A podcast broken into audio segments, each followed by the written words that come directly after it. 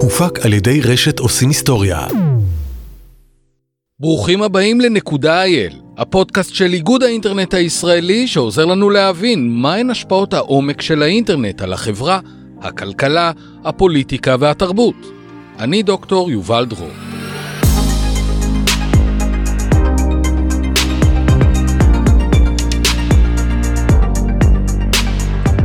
בשנים האחרונות כולנו התרגלנו שעוקבים אחרינו כל הזמן. למעשה, כל כך התרגלנו שטכנולוגיות שונות קופצות מעולם הביון והריגול אל עולם הרשתות החברתיות, ומשם הן מזנקות למקומות אחרים, חלקם מפתיעים וגם קצת מטרידים. כדי לדבר על הנושא המרתק הזה, אני מארח את דוקטור ענת בן דוד, שהיא מרצה בכירה במחלקה לסוציולוגיה, למדע המדינה ולתקשורת באוניברסיטה הפתוחה. היא עוסקת וחוקרת את הנושא הזה בדיוק. ענת, ברוכה הבאה לנקודה אייל. שלום. אנחנו חיים בעולם שבו הרשתות החברתיות כל הזמן עוקבות אחרינו, זה בעצם המודל העסקי שלהן. אבל בשנים האחרונות מתרבות העדויות לכך שהמודל הזה, שאותו אנחנו יחסית מכירים, זולג החוצה. למקומות אחרים, ובהקשר הזה המושג קפיטליזם המעקב הוא מושג מפתח. בשני משפטים, מה זה בכלל קפיטליזם המעקב? קפיטליזם המעקב זו קודם כל כותרת של ספר של אה, פרופסור שושנה זובוף, אה, שמנסה לתאר את המודל הקפיטליסטי אה, הנוכחי של העידן שבו אנחנו חיים, כאשר בו הסחר שמתבצע הוא שירותים חינמיים. שקשורים באיזה שהם שירותי מידע דיגיטליים. התמורה להם היא מעקב אחרי כל uh, תנועה או פעולה שהמשתמשים עושים, שלה עושים מונטיזציה באמצעות או מכירה של המידע למשתמשים, או בשימוש בבינה מלאכותית כדי לדעת על המשתמשים האלה יותר, ואז למכור את התובנות האלה לטובת uh, מפרסמים. זאת אומרת, אם פעם הייתי בא לחנות ירקות והייתי אומר לה, אני רוצה קילו עגבניות, היו אומרים לי, בבקשה, תן לי עשרה שקלים. היום אני בא ואני אומר, אני רוצה קילו עגבניות, הוא אומר, אין שום בעיה, אני רוצה לעקוב אחריך. נכון, יש כרטיס מועדון? זה הדבר הראשון שישאלו. זה זה? מה זה כרטיס המועדון? זה בדיוק ההכנסה של קפיטליזם המעקב אל תוך הטרנזקציה. אתה לא רק קונה את העגבנייה, אתה גם נכנס לתוך תיעוד ורישום של היסטוריית הקניות שלך. בפעם הבאה שתקבל מכתב מהסופר, אה, מנגנון ההמלצה, האלגוריתם ימליץ לך, אנשים שקנו עגבניות, קנו גם מלפפונים, בוא תקנה גם מלפפונים.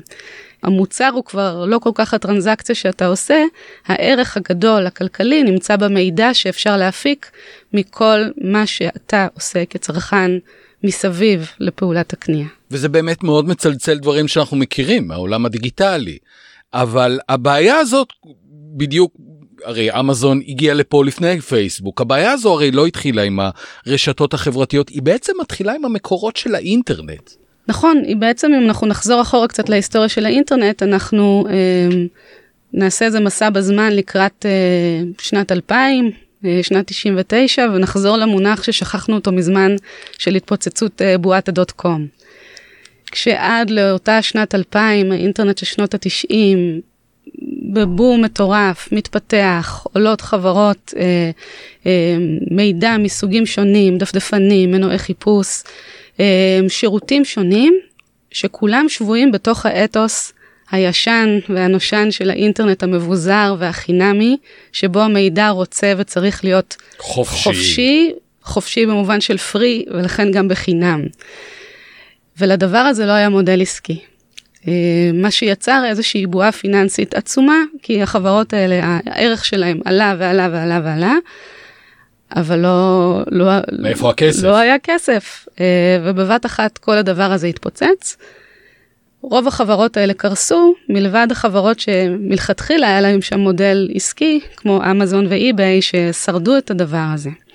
התוצאה של התפוצצות בועת הדוט קום הייתה המצאה של מודל עסקי חדש. זאת אומרת, אנחנו עדיין צריכים לשמר את האתוס הזה שהמידע רוצה להיות חופשי או בחינם, אז מה יהיה המודל העסקי? ניתן לכם שירותים בחינם מאוד מאוד טובים.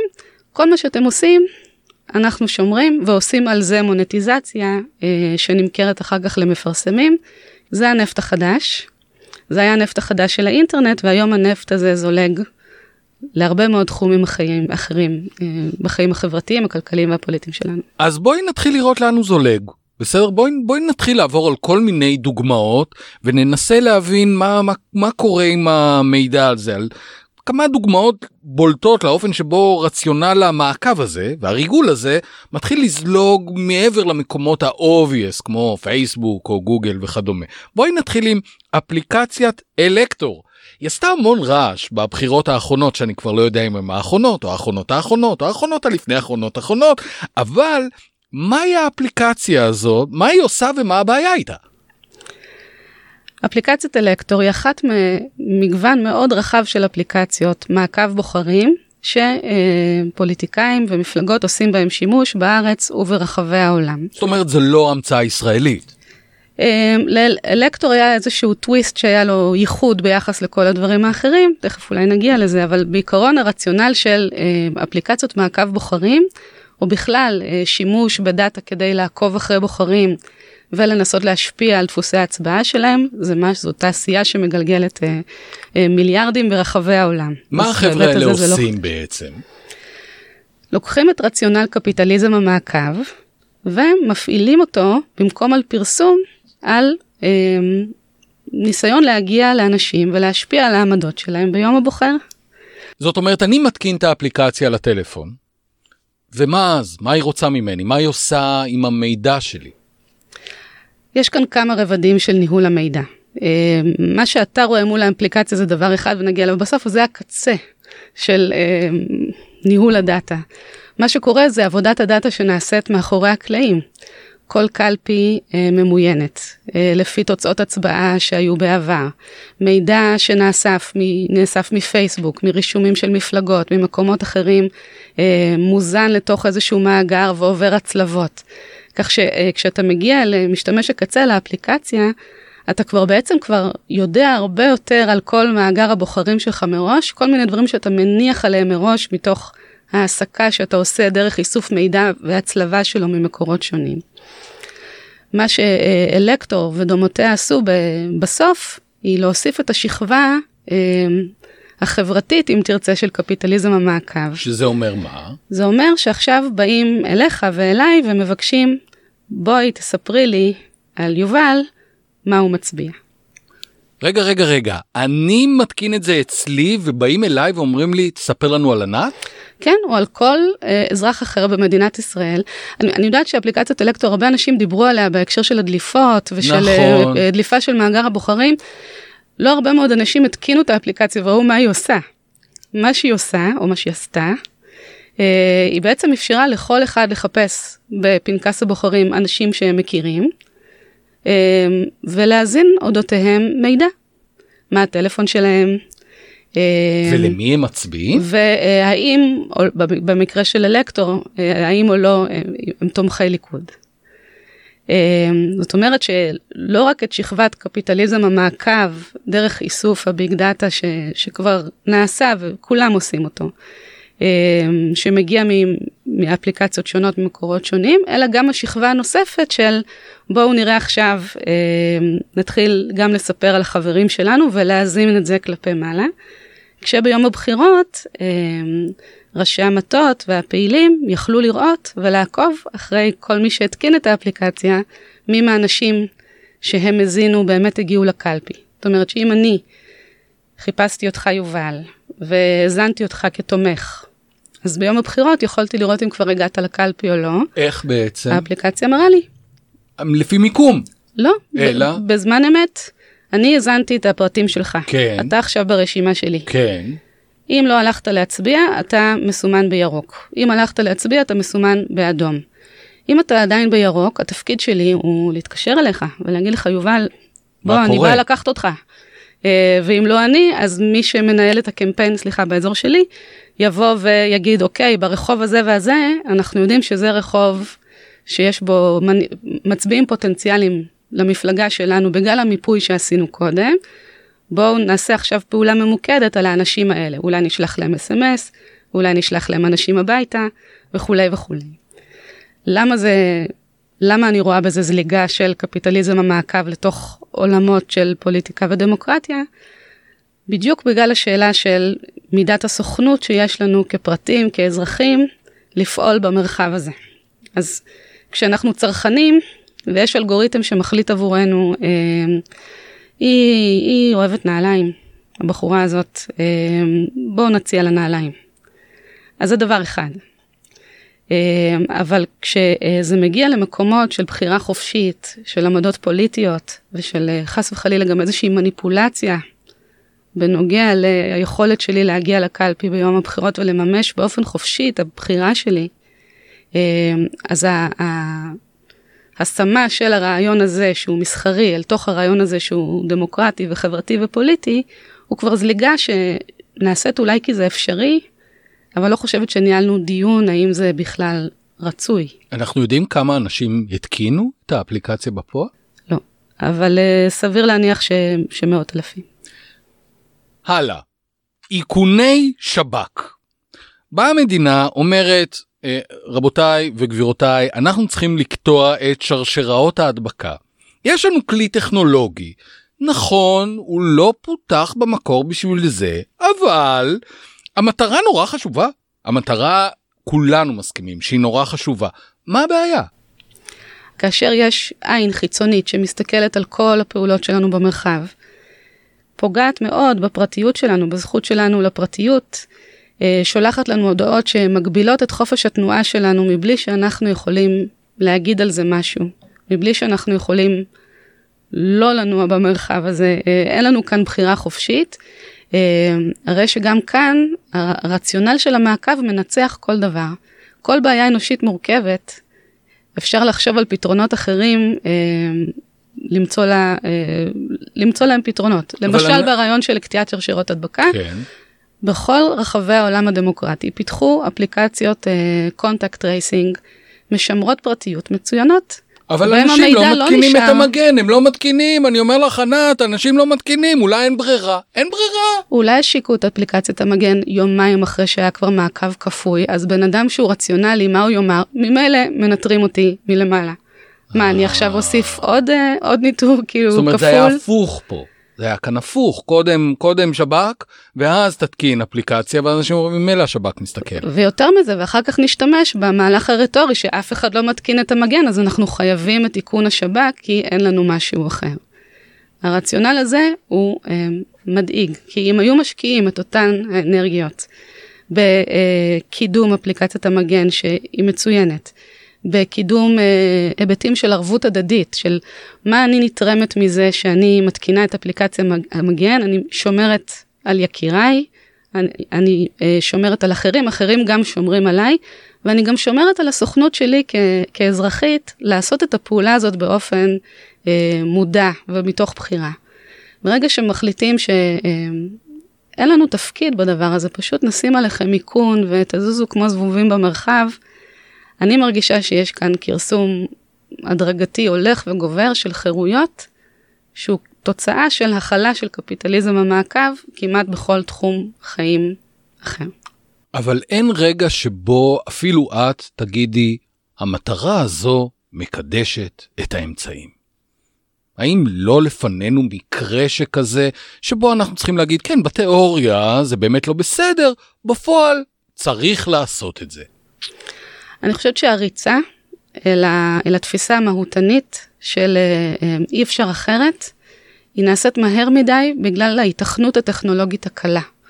כשיש לך פתרון טכנולוגי שהוא מהיר וזמין, אז קל לך מאוד לדמיין אה, שאין משהו אחר, ובכלל לא משקיעים את המאמץ, למשל בהנדסת פרטיות, אה, למשל בחינוך ציבור, למשל בסולידריות אה, או בדברים אחרים מאוד יפים שאנחנו יכולים לעשות, שהם באים מתוך politics of care, מתוך דאגה ורווחה לאזרחים ולאו דווקא מתוך politics of command and control, שזה מה שמעקב מאפשר. מעקב מאפשר ניהול מורכב של הרבה מאוד נקודות במרחב. אנחנו אזרחים, אנחנו לא נקודות. הלאה, טכנולוגיות לזיהוי פנים טכנולוגיות לזיהוי פנים, הם, יש להם תפקיד מרכזי בשמירה על הביטחון האישי שלנו, באיתור ילדים שנחטפו, הלכו לאיבוד. מה הבעיה איתם? הבעיה היא שאנחנו לא מרגישים אותם. הם נמצאים בכל מקום. אה, טכנולוגיות כאלה, טכנולוגיות, אה, מצלמות מעקב בכל מקום. אה, אז מה אכפת לנו שאנחנו מגיעים לשדה התעופה כשעוד היינו עושים את זה ו- ומצלמים את הפנים שלנו ואחר כך רואים בכל מקום בדיוטי פרי איפה היינו ומה אכפת לי? אוקיי. Okay. אכפת לי ברגע שאני הולכת להפגנה ופתאום צילום הפנים שלי משמש ממקומות אחרים, משמש כדי לפגוע בחירויות שלי שקשורות לזכות שלי אה, להפגין, כי מישהו עקב אחריי ואני לא ידעתי ואני לא נתתי את ההסכמה שלי. וככל שהטכנולוגיות האלה הולכות ומתפשטות יותר במרחב, היכולת שלנו לדעת שזה מה שעושים, לתת את ההסכמה שלנו לדברים האלה, היא הולכת ופוחתת, והנה עוד כרסום בחירויות דמוקרטיות. אז בעצם לפעמים זה מגיע למקומות הרבה יותר אזרחיים, כך במרכאות, כן, דיברנו על איכוני שב"כ, על זיהוי פנים, יש איזה מצלצל קצת ביטחון וכדומה, אבל יש אלגוריתם שמנסה לחזות את מידת ההצלחה שלך בלימודים כתחליף לפסיכומטרי. עכשיו, אני לא יודע מה איתך, אני הייתי מאוד שמח לא לעשות פסיכומטרי, עשיתי את זה, זה די דרק. יש אלגוריתם שחוזה את ה... מה הבעיה? נשמע לי פנטסטי. מה הבעיה? האלגוריתם הזה פותח בבריטניה כתוצאה ממשבר הקורונה. כיוון שהרבה מאוד תלמידים לא הצליחו לסיים את בחינות הבגרות שלהם ולא ידעו איך לקבל את הסטודנטים לאוניברסיטאות על בסיס נתונים לא שלמים. אפילו איזשהו אלגוריתם שחרץ גורלות של אנשים רבים, אתה תוכל ללמוד רפואה ואת לא. איך האלגוריתם הזה עובד בכלל? הוא הסתכל על כלל, הנה, מעקב, לקחו את כל הנקודות של כל הפעולות שאותם תלמידים עשו בבתי הספר, כל המבחנים, כל המתכונות, אולי השתמשו גם בכל מיני משתנים דמוגרפיים, אנחנו לא באמת יודעים. עשו את הסלט האלגוריתמי שלהם, וכל מה שאתה מקבל בחוץ זה פלט של תוצאה. אה, יכול להתקבל רפואה, לא יכול להתקבל רפואה. למה? ככה. האם אני יכול לערער? האם, האם האלגוריתם יכול להסביר למה? איך הגיבו לדבר הזה? הדבר. הזה עורר שערורייה מאוד גדולה בבריטניה ובסוף נאלצו לבטל את זה, כמו גם שערורייה מאוד גדולה שעלתה סביב אה, אפליקציית אה, אה, ניטור המגעים שבריטניה פיתחה במהלך משבר הקורונה. אבל זה לא קורה רק עם אלגוריתמים כאלה, זו, זו דוגמה מאוד קיצונית ש, שגם לא הצליחה, אבל הדבר הזה קורה כל הזמן, ויותר ויותר גם במוסדות להשכלה גבוהה. אולי אנחנו צריכים לבוא בטענות לעצמנו. הרי אנחנו הגורם מספר אחד שפוגע בפרטיות של עצמנו. אנחנו עוקבים אחרי עצמנו, מרגלים אחרי עצמנו, מתעדים את עצמנו ללא הפסקה. נורא קל לבוא בטענות לחברת הביטוח או לשב"כ, אבל הבעיה היא בכלל בנו, לא? לא, אני חושבת שאנחנו מאמצים את מה שהטכנולוגיות האלה מאפשרות לנו. אה, איזה כיף זה שיש לי שעון שמודד את ביצועי הריצה שלי, אני יכולה לכאורה לדעת את עצמי יותר טוב. יש כאן שתי שאלות. אחת, מה זה הידע הזה אה, שאנחנו יודעים על עצמנו ועד כמה הוא באמת ידע.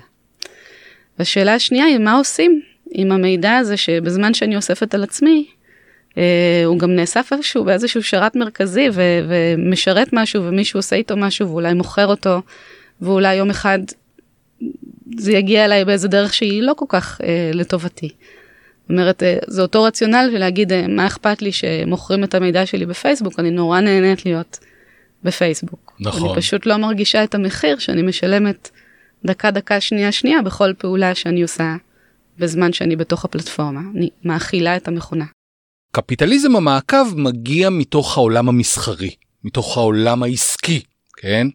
האם מדינות, האם הרגולטורים, ממה שאת יודעת, מסתכלים על הרציונל הזה ואומרות, אנחנו המדינות, אנחנו צריכות לעשות פה סדר כדי שהרציונל הזה לא ישתלט לגמרי על העולם העסקי וגם עלינו, או שהן דווקא משתפות איתו פעולה? התשובה היא גם וגם. זאת אומרת, מצד אחד אנחנו רואים יוזמות של מדינות שונות להתחיל לנסות באמצעות רגולציה לתת מענה אה, לבעיות האלו. מצד שני, אנחנו רואים את הזליגה, אנחנו רואים מדינות רבות ברחבי העולם שאומרות, אה, אה רגע. זה אה, רעיון. הנה, הנה, משילות, אה, אני רוצה גם. זאת אומרת, אנחנו מצד אחד הם אה, קצת לוחצות על המגזר העסקי, הפרטי, מצד שני הן מאמצות לעצמן את הפרקטיקות האלו ואומרות, hmm, אולי כך נוכל גם אנחנו ליהנות מזה. ובתוך זה יש גם איזשהו מאזן כוחות מאוד עדין שמדינות ותאגידים רב-לאומיים מנהלים היום ביניהם, מפני שהתאגידים הרב-לאומיים האלה הם, הם עוצמתיים יותר ממדינות לאום. ויחסי התלות העדינים האלה בין מדינות, אה, בין פוליטיקאים לבין הפלטפורמות הגדולות האלה, גם מעצבים מאוד או מצמצמים מאוד את היכולת של המדינה, לצורך העניין, עם, עם גרשיים בשתי הידיים, אה, לפעול בצורה נחרצת, אה, או להציב אלטרנטיבה נחרצת למה שהפלטפורמות האלה יכולות לעשות כרגע. אנחנו דיברנו על הנושא הזה קודם ואמרת לי, הטלפון הסלולרי שלנו הוא האויב הכי גדול שלנו. ומבחינה מסוימת כולנו יודעים שזה נכון, מבחינות אחרות אנחנו לא יכולים באמת בלעדיו. אז האויב הכי גדול שלי הוא גם הדבר הזה שאני לא יכול, איך שוברים את המעגל הזה? האם אפשר לשבור את המעגל הזה? דיברנו קודם על תחושת הסוכנות, על, על להיות אזרח ולא להיות נקודה במרחב. ואז יש כל מיני דברים קטנים שאפשר לעשות שלפחות נותנים את ההרגשה ש... שאתה לא מסכים לכל דבר ש... שהוא ברירת המחדל שהיא מעקב. לדוגמה? למשל, אם ממש קשה למחוק את פייסבוק ובכלל לא להשתמש בפייסבוק, אז לגלוש אליה מה... מהנייד, מהדפדפן ולא להתקין את האפליקציה. דוגמה אחת. דוגמה שנייה, אה, להשתמש במנועי חיפוש שהם אולי טיפה פחות טובים מגוגל, אבל הם לא אוספים את המידע אה, על המשתמשים. דוגמה אחרת זה לפתוח אה, דפדפנים שונים ו- ולנהל את הפעילות שאתה עושה, שהאימייל יהיה פתוח בבראוזר אחד והרשתות החברתיות במקום אחר ולנסות להפריד את הדברים האלה. אלה דברים נורא קטנים ונורא סיזיפיים, אבל בסופו של יום נותנים לך הרגשה שאתה כן יכול לעשות משהו, שכן יש לך יכולת כאזרח להגיד, אה, הנה הסוכנות שלי, אה, אני לא בוחר בזה. לי זה היה נותן הרגשה שאני ג'יימס בונד. זאת אומרת, פה המייל, פה הזה, אני כאילו 007, אני צריך להתחבא מהעולם. זה פוגע קצת ביכולת של גוגל לדעת אותך יותר טוב.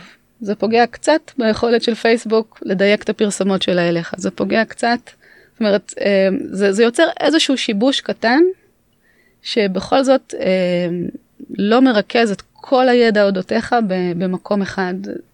כלוחמת פרטיות uh, ותיקה ועטורת מעללים, אני חושב שאת יודעת שאחד הדברים שהכי קשה להסביר לאנשים זה מה בעצם כל כך נורא שפוגעים לך בפרטיות. אז יודעים שהתקשרתי לאימא שלי, אז יודעים שהזמנתי פיצה. כאילו מה כל כך מפריע? איך בכל זאת מסבירים לאנשים מהי הפגיעה בפרטיות? מה המחיר שלה? איפה אנחנו פוגשים אותה? אני אתן לך דוגמה אישית. Uh, הטלפון שלי נפרץ. די. לפני כמה שבועות.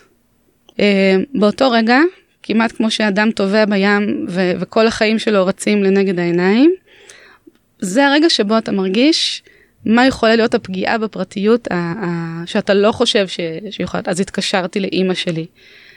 כל התמונות, כל שיחה הכי בנאלית, כל ריב אה, הכי אה, טיפשי, כל אימייל שאולי התחלתי לנסח ולא שלחתי כי לא הייתי בטוחה. הרי המכשיר הזה שנמצא איתנו הוא, הוא כמעט תיעוד אה, אה, מאוד משוכלל של, של הלך הנפש שלנו. אה, והנפש שלנו היא משהו ש, ש, לא בטוחה שכל אחד רוצה שהיא תהיה בחוץ, ככה פרוסה עד הסוף. עד כמה בעינייך אנחנו באמת כאן, נכון לעכשיו, לקראת סוף 2020, נמצאים במצב שבו קיימת סכנה מוחשית לדמוקרטיה כתוצאה מהפרקטיקות. כאן בישראל, אנחנו ישראלים, זה פודקאסט בעברית, פונה לקהל ישראלי, עד כמה אנחנו, בעינייך, נמצאים בסכנה? אני מאוד מודאגת.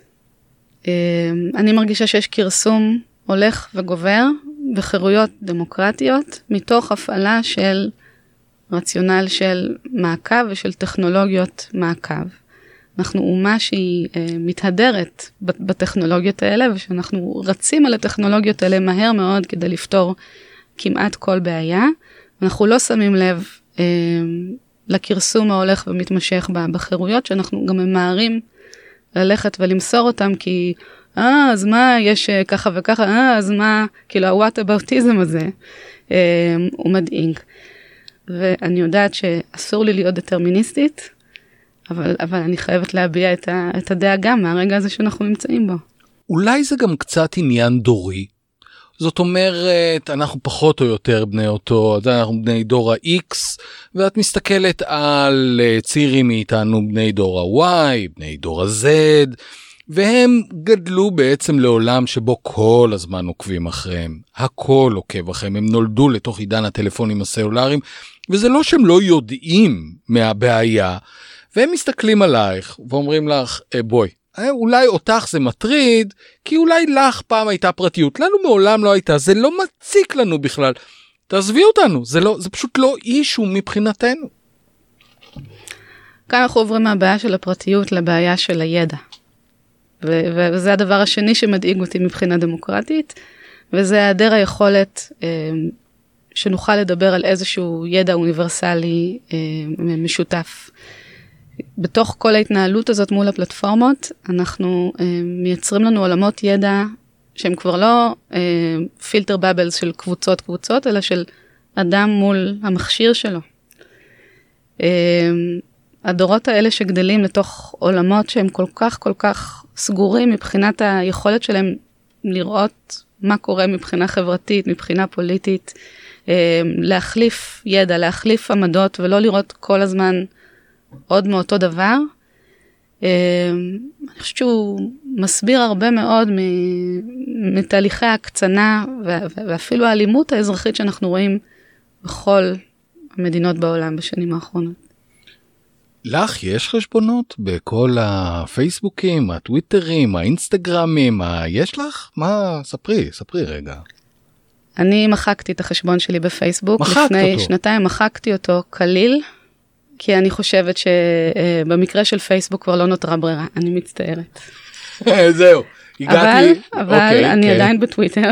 אה, בטוויטר את שם, אוקיי. אה, עדיין. אה, הם הולכים, אומרת- הם הולכים ומשנים את תנאי השימוש שלהם כך שהם הם הולכים ונהיים דומים יותר לפייסבוק. אה, אה, אבל טוויטר עדיין שומרים על איזושהי מסגרת טיפה יותר אה, מאפשרת של אה, בחירת המשתמשים בדרגות הפגיעה בפרטיות שלהם לצורך העניין. הכוחות שאת מתמודדת איתם, so called, הם עצומים. הם עשירים בצורה לא לתאר, הם חזקים מבחינה פוליטית וכלכלית. אפשר בכלל לנצח כאן? אני לא יודעת אם, אם זו שאלה של אה, אם אפשר לנצח. אני, הם לא כל כך מעניינים אותי. אוקיי. מעניין אותי יותר איזה מין תרבות פוליטית אנחנו דיגיטלית, אנחנו יכולים לייצר כחברה, אפילו כקהילה מקומית. אני חושבת שזה נכון שיש לפעמים מצבים שצריך להיאבק בכוחות מאוד גדולים, אבל את אותה אנרגיה אפשר להשקיע בחינוך, בחינוך לאוריינות מדיה, בחינוך לתרבות אה, דיגיטלית, השתתפותית. אה, ולייצר הרבה מאוד אלטרנטיבות שיכולות לצמוח מלמטה לפני שאומרים אה, די, אה, אי אפשר יותר. אנחנו מקליטים את השיחה הזו בסוף 2020. כשאת מסתכלת קדימה, 2021, 2022, את אומרת, יובל, המצב יהיה יותר טוב, או יובל, המצב הולך להיות יותר רע. מה בעינייך, מה הכיוון שלנו? אני מרגישה שהתשובה היא כנה היא גם וגם. אוקיי, אה, זאת אומרת, אנחנו דוהרים בקצב מסחרר לתוך התהום הזו, אה, ובמקביל אנחנו כן מנהלים את הדיון הזה אה, לגבי הכיוון שאליו אנחנו הולכים. אז מכאן ולהתנבא כמו איזה אלגוריתם לגבי אה, טינג, הנה התוצאה מה יהיה, אני לעולם לא אעשה, כי אנחנו מדעני חברה. אבל כן מוכנה להשקיע את כל המאמצים ולייצר את הדיון החברתי הזה אל באיזה מקום אנחנו כן רוצים להיות כחברה בעוד איקס שנים. הייתה תקופה שהיית יותר אופטימית? הייתה תקופה שנורא אהבתי את האינטרנט, אתה לא זוכר את התקופה כן, הזאת? כן, אני זוכר אותה. אני זה- באמת, זה, אני זה זוכר גרם אותה. לי, זה גרם לי להקדיש את חיי לחקר האינטרנט, נכון? זה, זה היה משהו שהוא, אה, הייתה בו הבטחה נורא גדולה, בדיוק לאותה תרבות אה, חדשה שהייתה בה המון הבטחה לטוב. והיום מה? היום אנחנו חוזרים לתחילת השיחה, אה, מונופולים ששולטים בידע ובאוכלוסייה. אה, זה לא, זה לא, לא, לא לזאת פיללנו. אכן לא אשת בשורות. דוקטור ענת בן דוד, תודה רבה על השיחה המעניינת הזו. אני דוקטור יובל דרור, אני מזמין אתכם להצטרף אלינו לפרק הבא, שיעסוק באחת הסוגיות הדרמטיות ביותר של העידן הדיגיטלי, והוא הפער הדיגיטלי. נשתמע בפעם הבאה.